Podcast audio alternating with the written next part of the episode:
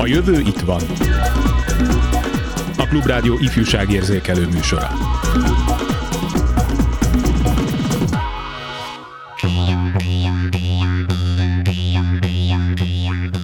Szinte lehetetlen elmagyarázni, milyen eltérő érzelmeket él át az ember egy szülés alatt, leginkább ahhoz tudnám hasonlítani, mintha a világ legmagasabb, leggyorsabb, legrémisztőbb és legizgalmasabb hullámvasútján ülnél, írta Chris Pegula, amerikai író. Ma akkor hullámvasutazunk egy kicsit.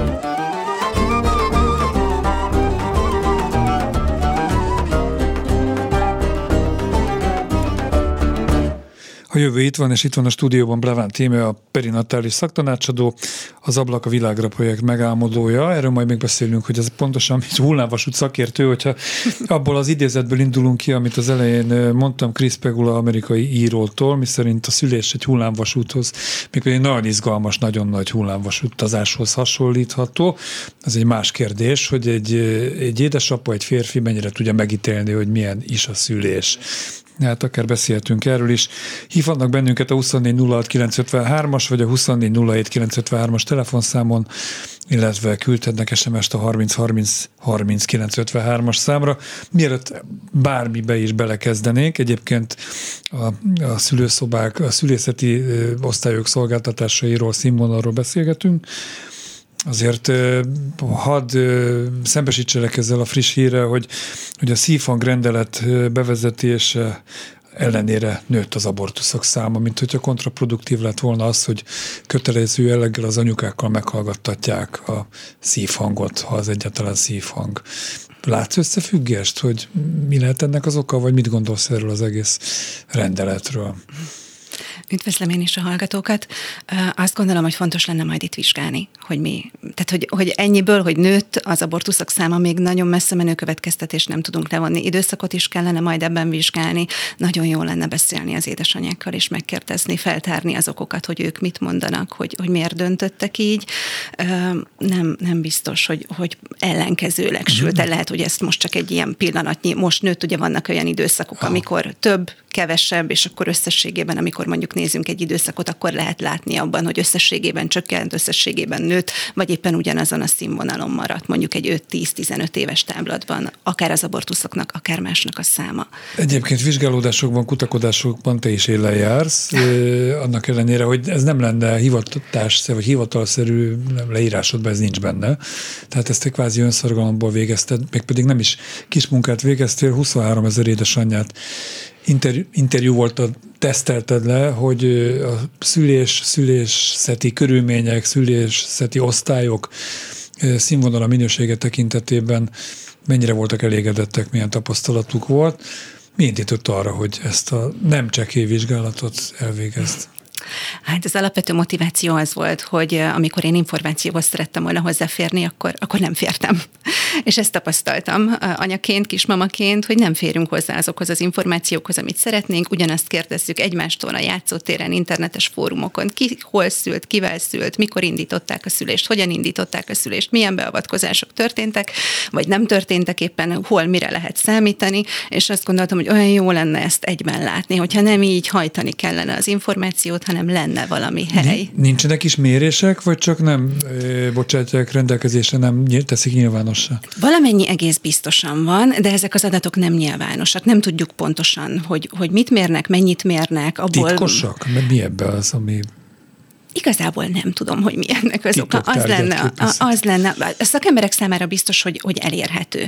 De olyan nyilvános adatközlés, hát akkor azok a szülészeti szakemberek számára, akik az intézményekben dolgoznak, uh-huh. ők biztosan jobban rálátnak erre, de az lenne az ideális, ha mondjuk minden szülészetnek a honlapján az alapvető adatok fent lennének, kezdve mondjuk a császármetszésnek az arányával, de akár azzal is, hogy mennyi szülést indítanak abban az intézményben, mennyi kisbaba születik abban az intézményben.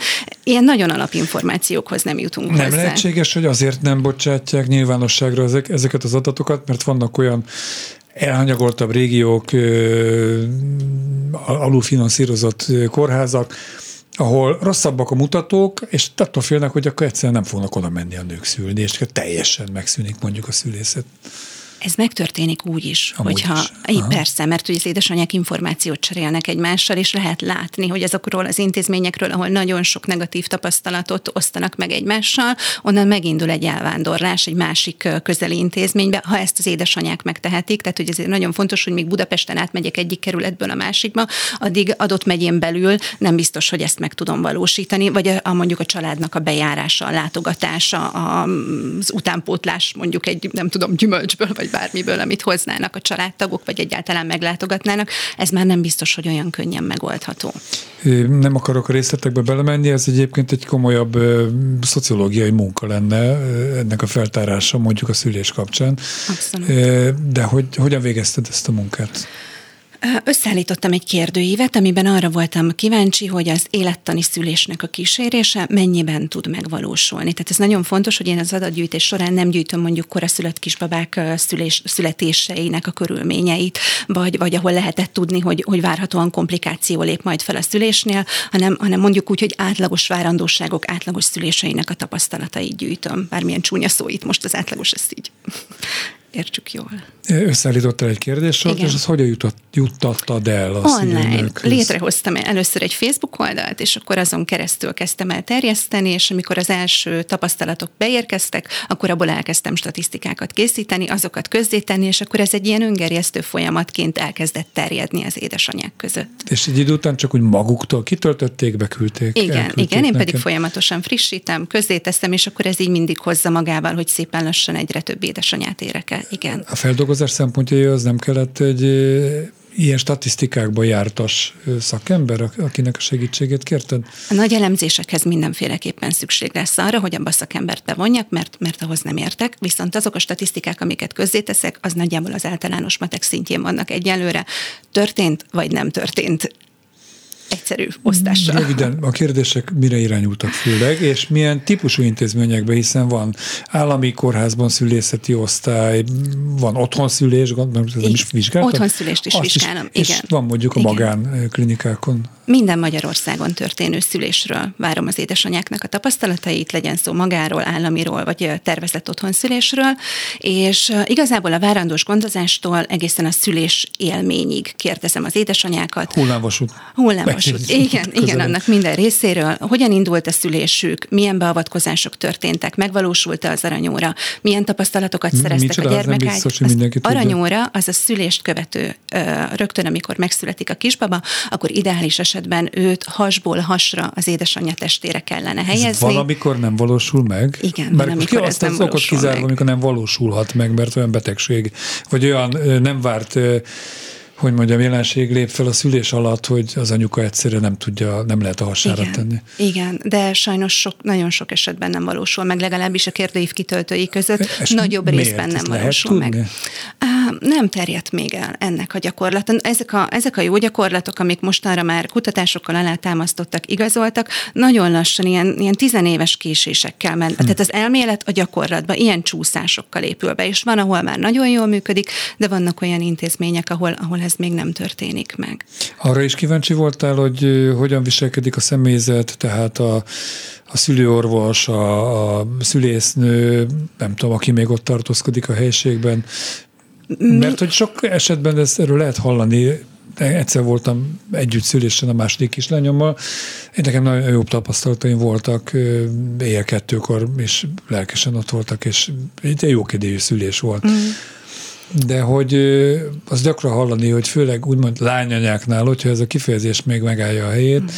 hogy hát nem a legudvariasabban bánnak a szülő nővel. Az lett volna a célom, hogy minél inkább objektíven mérhető dolgokat gyűjtsek össze. Tehát azt, hogy indítottak egy szülést, vagy nem indítottak, az, az nagyjából fekete vagy fehér. Azt, hogy milyen kommunikáció történt, azt hogy éltem meg, abban már sokkal több a szubjektív tényező. Van erre vonatkozóan néhány kérdés, de alapvetően olyan kérdéseket tettem fel, amik, amik minél inkább objektíven megfoghatóak és számszerűsíthetőek. És számos tapasztalat adatot kaptál, ezeket eddig hogyan dolgoztat fel, mert mondtad, hogy a kvázi tudományos igényű feldolgozás egy nagyobb falat lesz majd. Hogyan nyúltál hozzá a beérkező adatokhoz, mit vizsgáltál?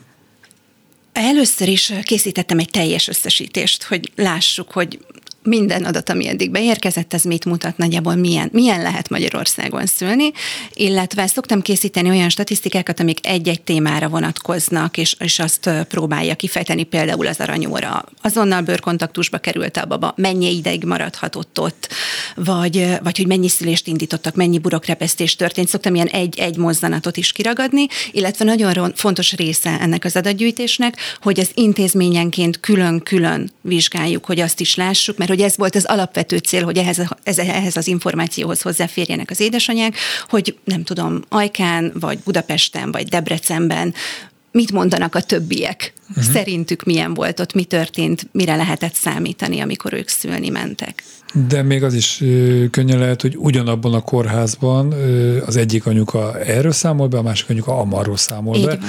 Az sem mindegy, hogy ki az orvos, kik végzik, Igen. kik vannak jelen, milyen napszakban történik, talán az se közömbös. Pontosan ez az egyik legnagyobb probléma, hogy nincs egységes protokoll, nincsenek egységes irányelvek, egységes elvárások, és attól függ, hogy az édesanyának milyen szülésélményben lesz része, hogy mennyi beavatkozás mellett szül, hogy akkor éppen, amikor ő szül, ki van bent, kivel talál találkozik.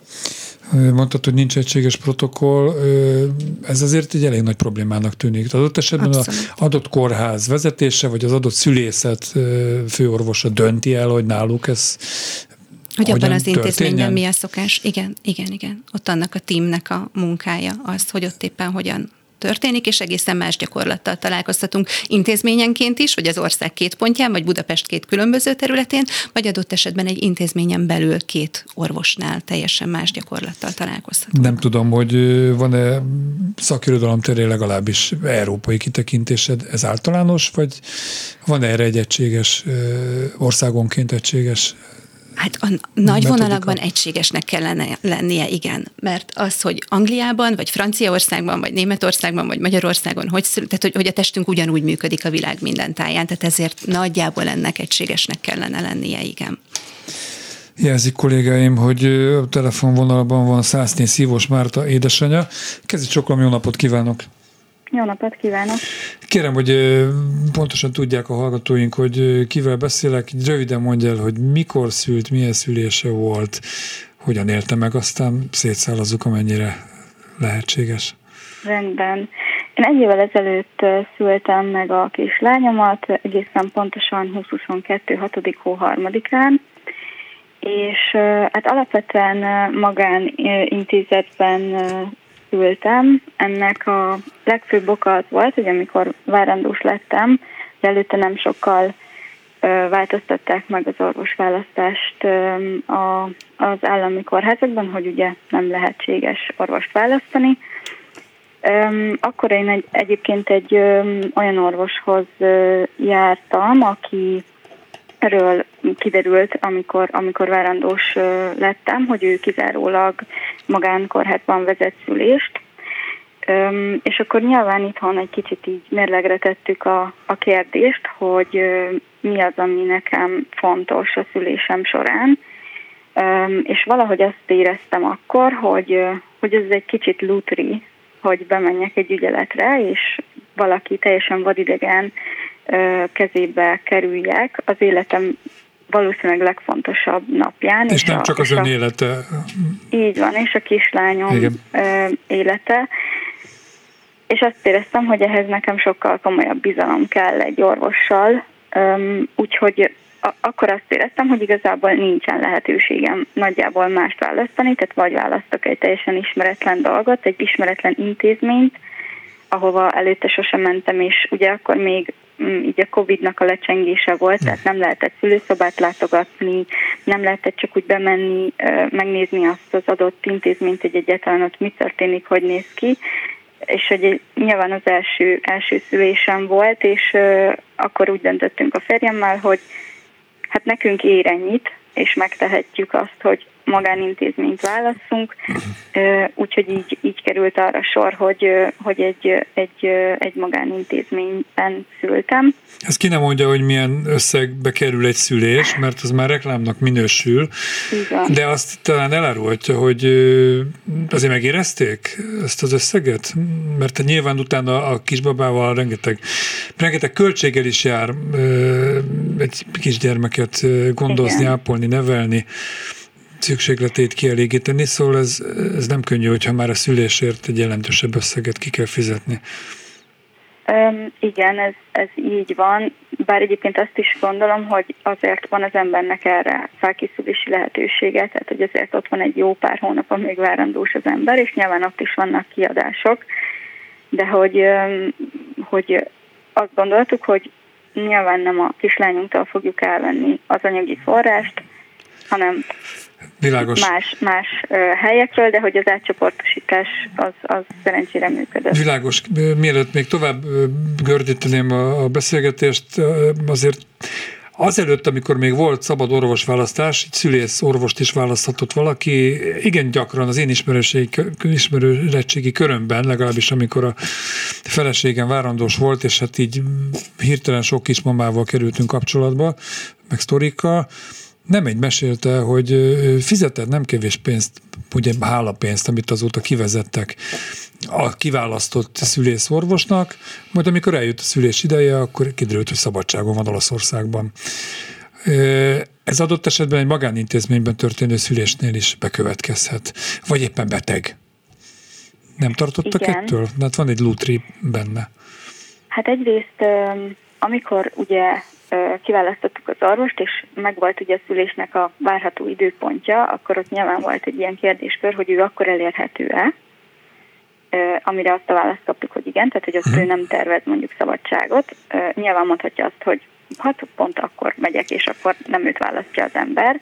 Egyébként úgy tudom, hogy az intézményben is így működik a maga az orvosválasztási folyamat, hogyha nem kifejezetten mondjuk az orvost választja egy ember, hanem az intézményt választja, hogy ott is ugye megmondják, hogy kik az elérhető orvosok igen, a várható szülési dátumon.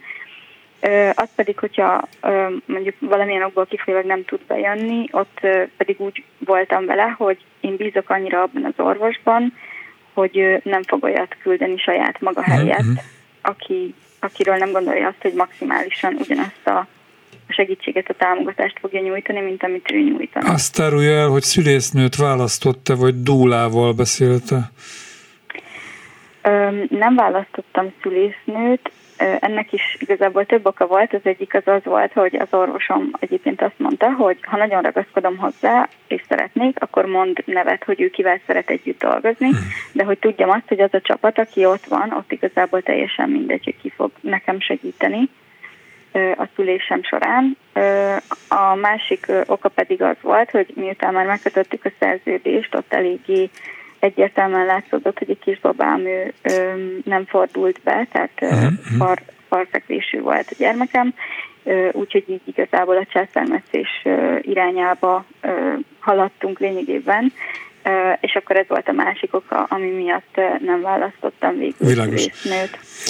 Egyet kérek még, hogy maradék kettő percben nagyjából, hogyha a körülményeket elmondaná, tehát hogy nézett ki az osztály, hogyan fogadták ott a a szülő, vagy uh-huh. szülés előtt álló kismamákat, hogyan volt-e aranyóra, ahogy itt Tímea mondta az előbb, hasára, hát nem tudom, hogy császármetszésnél például nem lehetséges, de teljesen laikus, ott is megvan.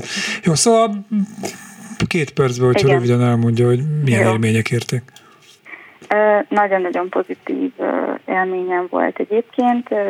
Maga a folyamat is nagyon jól működött. Ugye amikor megérkeztünk reggel a kórházban, akkor ott a recepción fogadtak minket, utána nem sokkal feljött értünk a, a szülésznő, mert egy császármetszésnél is ugyanúgy volt mellettem végig egy szülésznő, vele mentünk le a szülőszobára, ott ugye a műtéthez előkészítettek minket, és akkor a férjem is ugye bent volt velem, a műtét előtt nem sokkal, ott már többen ott voltak ugye körülöttem, mindenki nagyon-nagyon rendes volt, támogató volt a folyosón, ott találkoztam még az orvossal, aki kicsit segített ott az izgulásomnál, egy kicsit megölelgetett, és akkor utána bementünk a, a műtőben, a férjem pedig kint várt, amikor majd ő is már bejöhetett rá körülbelül egy 10 percre.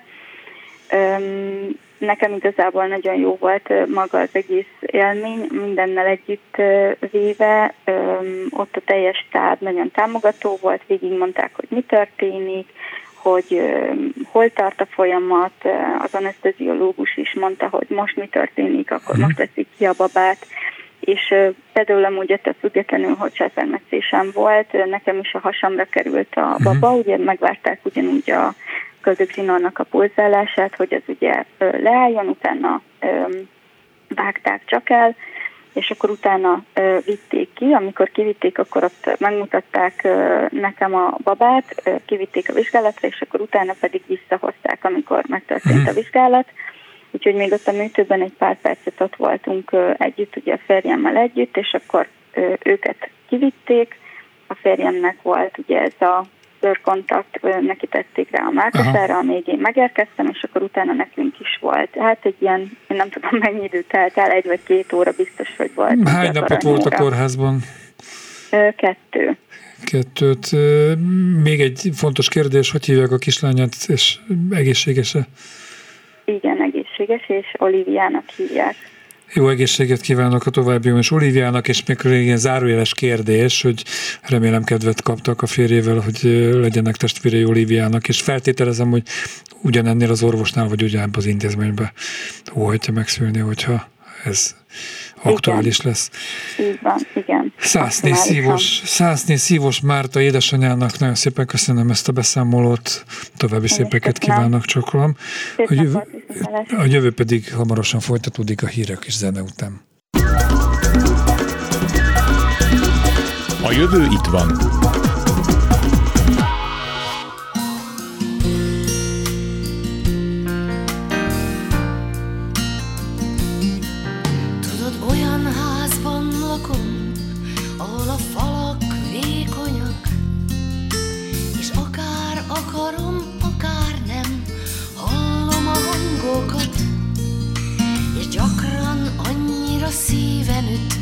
A falon áthatol. Olyan mélyen tudnak bántani azok a szavak a szomszédból. Apa, ne menj el, apa, ne hagyj itt, olyan rossz lesz nélküled.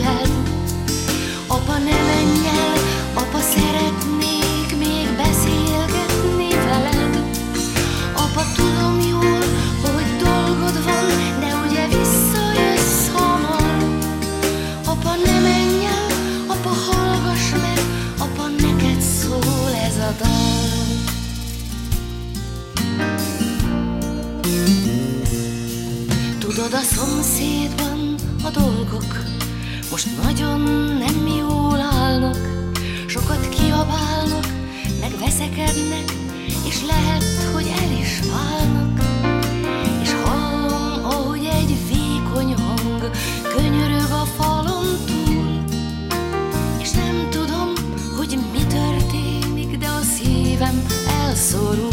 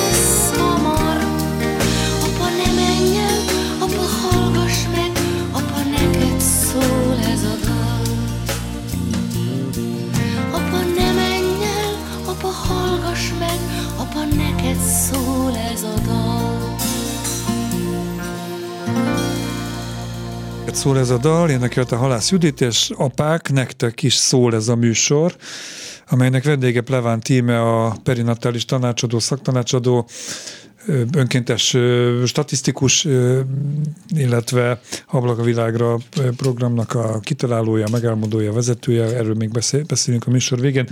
De hát akkor itt az a kiváló alkalom, hál' Istennek zenei szerkesztő gondolt az apukákra is, hogy egy apa, visszatérve a kezdő idézetre, amit azért még egyszer olvasok, szinte lehetetlen elmagyarázni, milyen eltérő érzelmeket él át az ember egy szülés alatt. Leginkább ahhoz tudnám hasonlítani, mintha a világ legmagasabb, leggyorsabb, legrémisztőbb és legizgalmasabb hullámvasútján ülne. Ezt idéztem Chris Pegula, amerikai írótól, aki egyébként nem egy magyar és lefordított könyvet írt az apaságról, És hát itt úsztattam be az elején a kérdést, amire most várok valamiféle választ Tímeától, hogy egy apa mennyire élheti át, élheti meg azt, hogy mit érezhet egy, egy, egy szülőnő. Hát abszolút. Teljes mértékben át tudja élni. Nyilván nagyon sok minden függ attól, hogy ők mennyire vannak egy hullámhosszon, akar-e ott lenni annál a szülésnél, vagy nem akar ott lenni, de ideális esetben teljesen be tud ebbe vonódni, és, és tudja kísérni a párját, és támogatni abban, amiben ő éppen van, és hát megélni azt a csodát, aminek ott éppen ketten részesei. Köztudomás, hogy a férfiak nehezebben viselik a fájdalmat. Legalábbis ez terjed. Én, én borzasztó nehezen viselem. És hál' Istennek az, én ö, feleségem, a gyermekem édesanyja, akkori feleségem, a gyermekem édesanyjának nem, nem volt egy nagyon bonyolult vagy hosszadalmas szülése, két órán keresztül tartott a vajudás, és végig ott voltam mellette, fogtam a kezét, láttam, hogy nagy fájdalmai vannak, tehát inkább ilyet voltam, de, de hál', hál' én nem tudom, szóval a fájdalomból nem érezhettem semmit. Csak láttam, hogy ő hogy éli meg. A fájdalomból nem, de uh, ugye úgy szokott lenni, hogy a férfiak megoldani akarják a dolgokat. Így, így vagyunk beállítva nőként, férfiként, hogy amikor azt látja egy férfi, hogy a párja szenved, akkor azt nagyon szeretne segíteni, és megoldani, és véget vetni annak. De ebben az esetben egy e... nagy adag tehetetlenséget érez. Igen, igen, igen. De ha tudja egy férfi, hogy, hogy együtt jár a folyamattal, és hogy abban a pillanatban nincs más dolga, mint hagyni, hogy elszorítsák a kezében a vért, vagy úgy támogatni, amit éppen a párja kér tőle, akkor azzal a legtöbbet adja éppen a feleség feleségének. Még annyit hozzátennék, hogy elképesztően jó érzés az, hogy első pillanattól kezdve láttam a kislányomat, hogy a karomba vehettem, én vágtam el a köldögzsinort. Biztos, hogy a, a gyerekkel való későbbi kapcsolat, vagy akár élethosszig tartó kapcsolat minőségére ez nagyon rávetül. Abszolút, igen. De a hullámvasutas hullat az jó? Jó, hát hogy ne? Hát a menny és pokol és ég a földön egybe tud érni, hogy ne? Természetesen, igen. Még egy kérdés, nem tudom, hogy erre vonatkozóan vannak-e statisztikáit, hogy nőtt az együttszülő apukák száma, vagy a hajlandóság az apák részéről, hogy ne csak kint dohányozzák szénné magukat, a, most már nem a várott teremben, mert ott már nem lehet, a kórház előtt, hanem, hanem tényleg intenzíven, tevékenyen részt vegyenek, részt vessenek. Hát ez nagyon érdekes lenne megnézni, igen, hogy az elmúlt években vajon nőtte, vagy hogyan változott, mert ugye most már hát egy jó 30 éve kezdődött az a folyamat, hogy bemehetnek az édesapák, és most arra már a mindennapjaink része, hogy ott vannak az apák. Viszonylag ritka az a szülés, ahol nincs az anya mellett kísérő, de érdekes lenne megnézni egy ilyet, hogy van-e még ebben valamilyen növekvő tendencia, vagy hogy hogyan veszik ki az apák mondjuk a felkészülésből a részüket, igen. És az otthonszülés iránti hajlandóság terén mi mondható el? Ott nőtt. Nőtt. Nőtt, a, a, különösen a Covid óta megnőtt az ja, otthon szülő családoknak hogy ez valamiféle bizalmatlanság is az egészségügyi intézményekkel szemben? Hát magával elsősorban én azt gondolom, hogy a Covid-tal szemben volt, hogy, hogy nem akartak bemenni a kismamák a kórházakba, nem akartak ott napokat eltölteni a családjuktól távol, és így megnőtt az érdeklődés az otthonszülés irányába, igen. Egyébként hallani horrorisztikus történeteket is kórházi kvázi szülésekről, vagy szülészeti osztályokról, hogy a kismama, minden perces kismama gyakorlatilag bolyong a kórház udvarán, és ott kénytelen megszülni, nem is tudom, a taxisofőr segítségével, mert hogy rossz osztályra irányították, nem jöttek ki elé, hogy ezt a filmekben szoktuk látni, amikor apuka beesik a, a szülő anyukával, és azonnal ott van egy személyzet. Térjünk rá a te kutatásaidra mi mondható el mondjuk legfőbb különbségként az állami, illetve a magán szülészetek között mennyivel jobb vagy nem jobb hozzátéve, azért én tőle tudom azt az összeget, amit mondtál, hogy mennyibe kerül tólig, amit nem engedtem elmondani a műsor első felében megszólaló anyukának. Hát nagyon sokan nem engedhetik meg maguknak azt, hogy magánklinikán szüljenek. Igen, itt olyan tetemes összegről van szó, amit, amit nagyon kevesen engedhetnek meg maguknak. Mégis az látszik, hogy olyanok is megpróbálják kifizetni ezt az összeget, akiknek alapvetően nem fér bele ez a családi kasszába. Hitelt vesznek fel? Hát adott esetben igen, vagy valahogy úgy csoportosítják uh-huh. a jövedelmeket, hogy az, az beleférjen. Tehát amíg mondjuk a, pár évvel ezelőtt azt számított gondos szülőnek, aki választ orvost és fogadorvost, és akkor a hálapénz keretében biztosítja, hogy ott legyen. Most úgy tűnik, hogy van egy ilyen tendencia, hogy, hogy a magánkórházban szülés az, ami a biztosíték arra, hogy, hogy minden úgy történjen, ahogy a család szeretné. Ez egy nyugtassam meg, a magánkórházban már nincs baksis, tehát ott már nincs állapénz. Nincs. Azt kicsit túlzásnak érezni, hogy igen. Na jó, szóval hol lehet megragadni? Tehát mi várható el ezért a megemelt összegért, illetve mi lenne kutya kötelessége minden kórházi szülészeti osztálynak, független attól, hogy mennyi az orvosok vagy az ott dolgozók jövedelme? Az alapvető az az lenne, hogyha mindenhol már említettük, hogy egységes protokollak lennének, és az szerint a legújabb kutatási eredményeknek megfelelő működési gyakorlat Ez kéne egy egészségügyi miniszter, és nem egy belügyminiszternek kéne irányítani ezt a területet is. Meg szakemberek, akik ezt kidolgozzák, tehát hogy ez, ez nem a szülésznőgyógyászoknak a, a dolga lenne ezt megvalósítani, hanem külön szakembereknek lenne ez, ez a feladat. kormányzatnak kéne igen, ezt igen, levezényelni. Igen, tehát hogy ez, ez lenne az alap, ami nagyon jó lenne, hogyha megvalósulna. És Hát sajnos ugye azt látjuk, hogy nincs jelenleg ilyen 2019-ben jelent meg egy ajánlás, ami eleve csak az alacsony kockázatú édesanyákra vonatkozott, ami azóta lejárt, és nem került frissítésre, és hát nagyon-nagyon puha ajánlások szerepeltek abban is. Tehát inkább, hogy ha valaki látott már ilyet, és úgy gondolja, hogy szeretné ezt szerint kísérni a szülést, akkor létszi. De hogy, hogy nem, tehát hogy az elvárások nem egészen így néznek ki, mint ahogy abban ott megfogalmazásra került. Legalább a magánszülészeteken egységes a protokoll? Nem, legalábbis abból, ami az édesanyák tapasztalataiból kiderül, ott sem egységes. És ez ott sem jó. És ez ott természetesen ott sem jó. Tehát, hogyha valahol elvárnánk, hogy, hogy egységes legyen, és mindenki ugyanazt a magas színvonalú ellátást kapja, akkor, akkor az a magánszülészetek esetében. Miben vannak leginkább eltérések?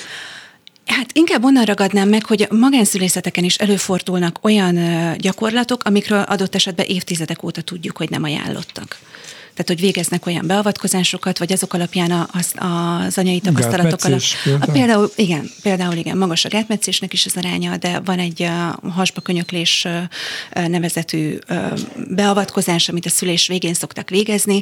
Ha, már 30 évvel ezelőtt is azt mondta a WHO, hogy ez egy nem ajánlott gyakorlat, ez kb. azt jelenti a WHO olvasatában, hogy ne csinálják. Tehát, hogy ilyen nagyon szépen fogalmaz a WHO, hogy nem javasolt, ez gyakorlatilag azt jelenti, hogy ne csináljuk, mert nagyon sok a kockázata anyára is, babára is. És előfordul ezekben az intézményekben is, és nem egy, nem kettő, tehát abban a relatív kismerítésben, ami hozzám eljut, ott is ilyen 20-30 százaléka az édesanyáknak beszámol ilyen, ilyen beavatkozásokról. Mennyire egységes a szakma, hogy tapasztalod, szülész, orvosok, nőgyógyászok, szülésznők, mennyire egységesek, Azt... vagy mennyire lennének egységesek, hogyha lenne egy politikai akarat? Hát, hogyha lenne erre akarat, meg, meg kidolgozva minden hozzá, akkor azt gondolom, hogy el lehetne azt érni, hogy egységes legyen. Most az, amit a számokból le tudunk szűrni, az pont azt mutatja, hogy egyáltalán nem egységes, mert ugye akkor valamelyik irányba kellene a számoknak mozdulnia, hogy vagy mindenhol megvalósul, vagy sehol nem valósul meg, de hogy teljesen változó, hogy egy-egy kórházban hol látunk nagyon magas, vagy relatív magas számokat, vagy hol látunk nagyon, nagyon alacsonyat, tehát hogy nincs ebben, nincs ebben egység. Amit beszéltünk az elején, hogy attól függ, hogy éppen a kismama kivel szül, és mivel az egyes kórházakban van ilyen gyakorlattal, meg olyan gyakorlattal is dolgozó szakember, ezért nem tudhatjuk, hogy mire számíthatunk. Jó, hát ha innen indulunk ki, akkor pillanatnyilag politikai akarat hiány csak arra tudnak hagyatkozni a kismamák, ami a szóbeszéd, vagy éppen egy weboldal hatására terjed. Ez is ez a kórház részleg, doktor úr remek, Pontosan. meg a csapata az meg kevésbé. Pontosan, és ez nagyon, nagyon frusztráló, nagyon elbizony. Tehát egy egyébként is érzékeny életszakaszban ez a fajta kilátástalanság, a kontrollnak a teljes hiánya, az, hogy, az, hogy tényleg nem tudják, hogy, hogy mi történhet, tehát hogy teljesen érthető, hogy adott esetben nem fér bele a családi kasszába, de akkor megpróbálom valamilyen módon valahol meg megtalálni azt a biztonságot, de hát, hogy ez is csak Budapesten működik, vidéken ott nem nagyon van mozgástere az anyáknak, családoknak. Mit lehet elmondani egy szülésre való felkészítő nem is tudom, programról, tanfolyamról. Mire lehet felkészíteni a szülőket, amikor most az imént mondtad éppen, hogy ha a fővárosban várandós egy kismama, akkor ott több lehetősége van, mint Balmazújvárosban vagy Záhonyban. Ha tehetős család áll mögötte, vagy éppen ő maga, vagy a párja jó jövedelemmel rendelkezik, akkor megoldható a problémája. De akinek egyik sincs meg, kis településen, és nem megfelelő anyagi háttérrel, mi, mi mondható, mi tanácsolható, mire figyeljenek oda? Én azt gondolom, hogy a felkészülés mindenféleképpen nagyon fontos. Nekem ez egy ilyen, ilyen meggyőződésem, meg veszőparipám, hogy, hogy ha azt szeretnénk, hogy változzanak a dolgok, akkor kell tudnunk, hogy mi lenne az ideális, anyaként is kell tudnunk, hogy mi lenne az, ami ideális, mert csak akkor tudjuk kérni, akkor tudjuk kimondani. Tehát szokták azt mondani, szülészeteken dolgozok hozzájuk, még sose jött szülési tervel kismama. Hát akkor írjuk meg azokat a szülési terveket, vigyük be, mutassuk meg, egészen addig, amíg nem állunk oda azzal, hogy mi mit szeretnénk, addig nem is tudunk változást elérni, mert, mert magától belülről a rendszer nagyon-nagyon lassan változik. És én azt gondolom, hogy, hogy minél több tudatos és felkészült édesanyja van, annál inkább van hatásunk arra, hogy mi történik, miközben abban az a nagyon nehéz, hogy ez nem lehet elvárás. Tehát, hogy plusz az anyákra tenni egy ilyen terhet, hogy, hogy ők készüljenek, meg ők tudják, nagyon ellentmondásos ez az egész. A tekintetben van egyfajta egységes álláspont, vagy a felé közelítő, hogy mondjuk az otthonszülést, együttszülést mennyire támogatják, a területen dolgozó szakemberek, vagy, vagy itt is van olyan, aki abszolút otthonszülés ellenes, vagy éppen nagyon apárti, van, aki a dúlákra esküszik, van, aki azt mondja, hogy a szülőorvosnak kell levezetnie a szülést, van, aki ennek pont az ellenkezőjét, szóval... Igen. Igen, mert hogy a szülés, azt szoktuk mondani, hogy egy élettani folyamat. Természetes folyamat. Ugyanúgy, mint bármelyik folyamat, másik igen. élettani folyamatunk lezajlik ugyanolyan gyakran történik galiba, mint általában más élettani folyamatainknál. Nagyon fontos szaktudással rendelkeznek a szülészorvosok, de alapvetően a szüléseknek a kísérése a szülésznői kompetencia. Ők azok, akik az élettani szülések mellett jelen kellene, hogy legyenek nagyobb számban. Sajnos ez nálunk nem így van. Az otthonszülésnek a megítélése, igen, az még a mai napig nagyon, nagyon ellentmondásos, és inkább azzal, azzal a véleménnyel találkozom, hogy elutasítják, és mondjuk például, ha beszállítanak egy kismamát otthonszülésből intézménybe, akkor akkor, akkor nagyon kétséges, hogy őt ott hogyan fogadják, és milyen bánásmódban lesz része, pusztán azért, mert otthon szeretett volna szülni. Úgy kezdtem, hogy a műsor elején a konferálásban a perinatális tanácsadó mellett mondtam, hogy az Ablak a világra program megálmodója. Igen. Van még egy olyan négy-öt percünk, hogy erről is beszélgessünk. Mit kell tudni, mit érdemes tudni, és hogyan kapcsolódik ez a műsorunk témájához, témáihoz? Ja, hát ez egy önkéntes adatgyűjtés, ami ami most már ugye közel 25 ezer édesanyja tapasztalatát rögzíti. Ez egy folyamatos adatgyűjtés, tehát ugye én ezt nem kívánom lezárni, azt szeretném, hogyha lenne egy fórum az anyáknak, ahol elmondhatják, tehát az egyik oldalról beszámolhatnak arról, hogy hogyan zajlott az ő szülésük, még ha ilyen nagyon keretek közé szabott módon is. A másik oldalról pedig lenne egy hely, ahol ezeket a tapasztalatokat összesítve megtalálják az édesanyák, illetve nagyon fontosnak tartom, hogy ezt a felkészülést támogassam. Tehát ahogy például a folyamatnak az elején, amikor el elkezdtem a kérdőíveket összeállítani, én is nagyon keveset tudtam még. Rengeteget olvastam, és azt az nagyon sok mindent, amit, amit elolvastam, meg ugye közben elvégeztem az eltén ezt a prenatális tanácsadói képzést is, azt a tudást elérhetővé tegyem az édesanyák számára, tehát a honlapon például van egy 250 oldalas anyag, amit a szülés indulásától egészen az aranyórákig terjedőleg megírtam azért, hogy ehhez hozzáférjenek az anyák, egyetlen egy regisztrációval, tehát semmit nem kell hozzá, csak mégis egy könyv gyakorlatilag. így, így, így egy regisztráció a feltétele az olvasának, olvasásnak. Azt, azt szeretném, hogyha ha mindenki hozzáférne az információhoz. Hogy te hogy kerültél erre a területre? Mert eh, kerülhetél úgy is, hogy a saját eh, szülésed borzasztó volt, és na te majd megváltoztatod ezt a rendszert, vagy éppen a pozitív élmény hatására, vagy szóval nálad hogy alakult? Engem is a szülésem hozott erre a területre. Nekem nem, tehát nem kifejezetten a szülésélményem volt, hanem az, az utáni időszak. Nekem iker kislányaim vannak, akik cseszermetszéssel születtek, és amikor azzal a kérdéssel kezdtem foglalkozni, hogy ha születik kis testvérük, akkor ő születhetne hüvei úton, akkor így elkezdtem magam előtt feltárni a hazai szülészeti ellátásnak a mindenféle rejtelmeit, és ezt fordított ebbe az irányba, hogy, hogy hát akkor lássuk, hogyan is zajlik Magyarországon egy szülés. Tehát egy picit te is szerettél volna több információt jutni, és akkor rájöttél, hogy milyen kevés az információ, és hogy akkor tegyél ez ellen bármit. Mennyire beszél a magyar társadalom már nyíltan, vagy egyre nyíltabban arról, hogy ilyenkor mit él át egy anyuka, milyen veszélyek vannak, hogyan lehet ezeket kivédeni, mert azért van némi kapcsolat, de hát a, a, a szexualitás az még mindig nagyon sok területen tabu téma, már pedig akkor nehéz a szülésről is, ezekről a dolgokról is komolyan beszélni. Én azt látom, hogy nagyon, mondjuk az elmúlt tíz évben nagyon sok minden változott, és egyre nyitottabbak az emberek, de még mindig ne, ne, nagyon keveset tudunk, és emiatt nagyon sok tévhitél, és emiatt ö, olyan feltételezésekkel élünk, adott mondjuk például az otthonszüléssel kapcsolatban, hogy ilyen légből kapott félinformációk alapján mondunk dolgokat, és ezt így terjesztjük. Ö, hát az lenne a cél, hogy minél több valós információval rendelkezzünk, és én úgy látom, hogy van ebben változás, de hogy nagyon nagyon kis és lassú léptekkel haladunk De akkor, egyelőre. amikor média szakemberek arról beszélnek, hogy a fake news az elképesztő módon elterjedt Igen. itt a nyugati kultúrában is, akkor lehetséges, hogy egy szakterületen, vagy egy, egy némely szakterületen pont egy fajta valós tudás áramlás elindulhat? Hát nagyon nehéz, de nagyon jó lenne, hogyha ez megtörténhetne. Igen. igen. Te mindesetre hozzáteszed a magadét. Igyekszem. Most konkrétan miben vagy benne, ami előbb-utóbb valamilyen formában napvilágra kerül és széles közönséghez eljut? Hát én most nagyon do- keresem a, a mindenféle csatornát, hogy, hogy eljuthasson. Ugye van már nagyon sok szám a honlapon, van nagyon sok szöveg a honlapon, de azt szeretném, ha, ha mindenkihez el tudnék jutni, ahhoz is, aki nem akar számokat nagyon böngészni, meg nem akar nagyon sokat olvasni, úgyhogy most én webinárokat kezdtem el tartani, ahol élő szóban mondom el azokat a dolgokat, amiket egyébként fel lehet lelni a honlapon is egy az egyben, de hogy nem mindannyian szeretünk, vagy nincs arra idő, és akkor így most például szombaton lesz a következő, ami kifejezetten a magánszívészeti ellátás ellátás információ. témájában. De igen. valaki még ilyennel nem találkozott.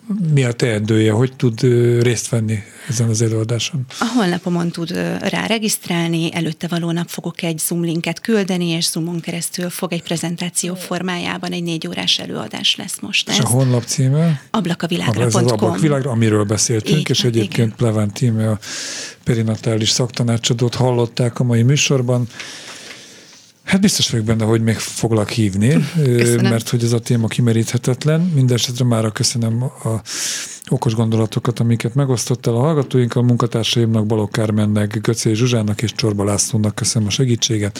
A szerkesztőt Bencsik Gyulát hallották, és a jövő egy hét múlva újra itt lesz. A strandon láttalak, először fagylalt a kezedben, amikor kavicsokat és kagylókat a part mentén kerestem. Kisütött a szívemben a nap, azóta ott ragyog, aranyló ragyog, ha veled vagyok. Aztán a majomhajó, a fodros hullámokat nézted, és egy kis dal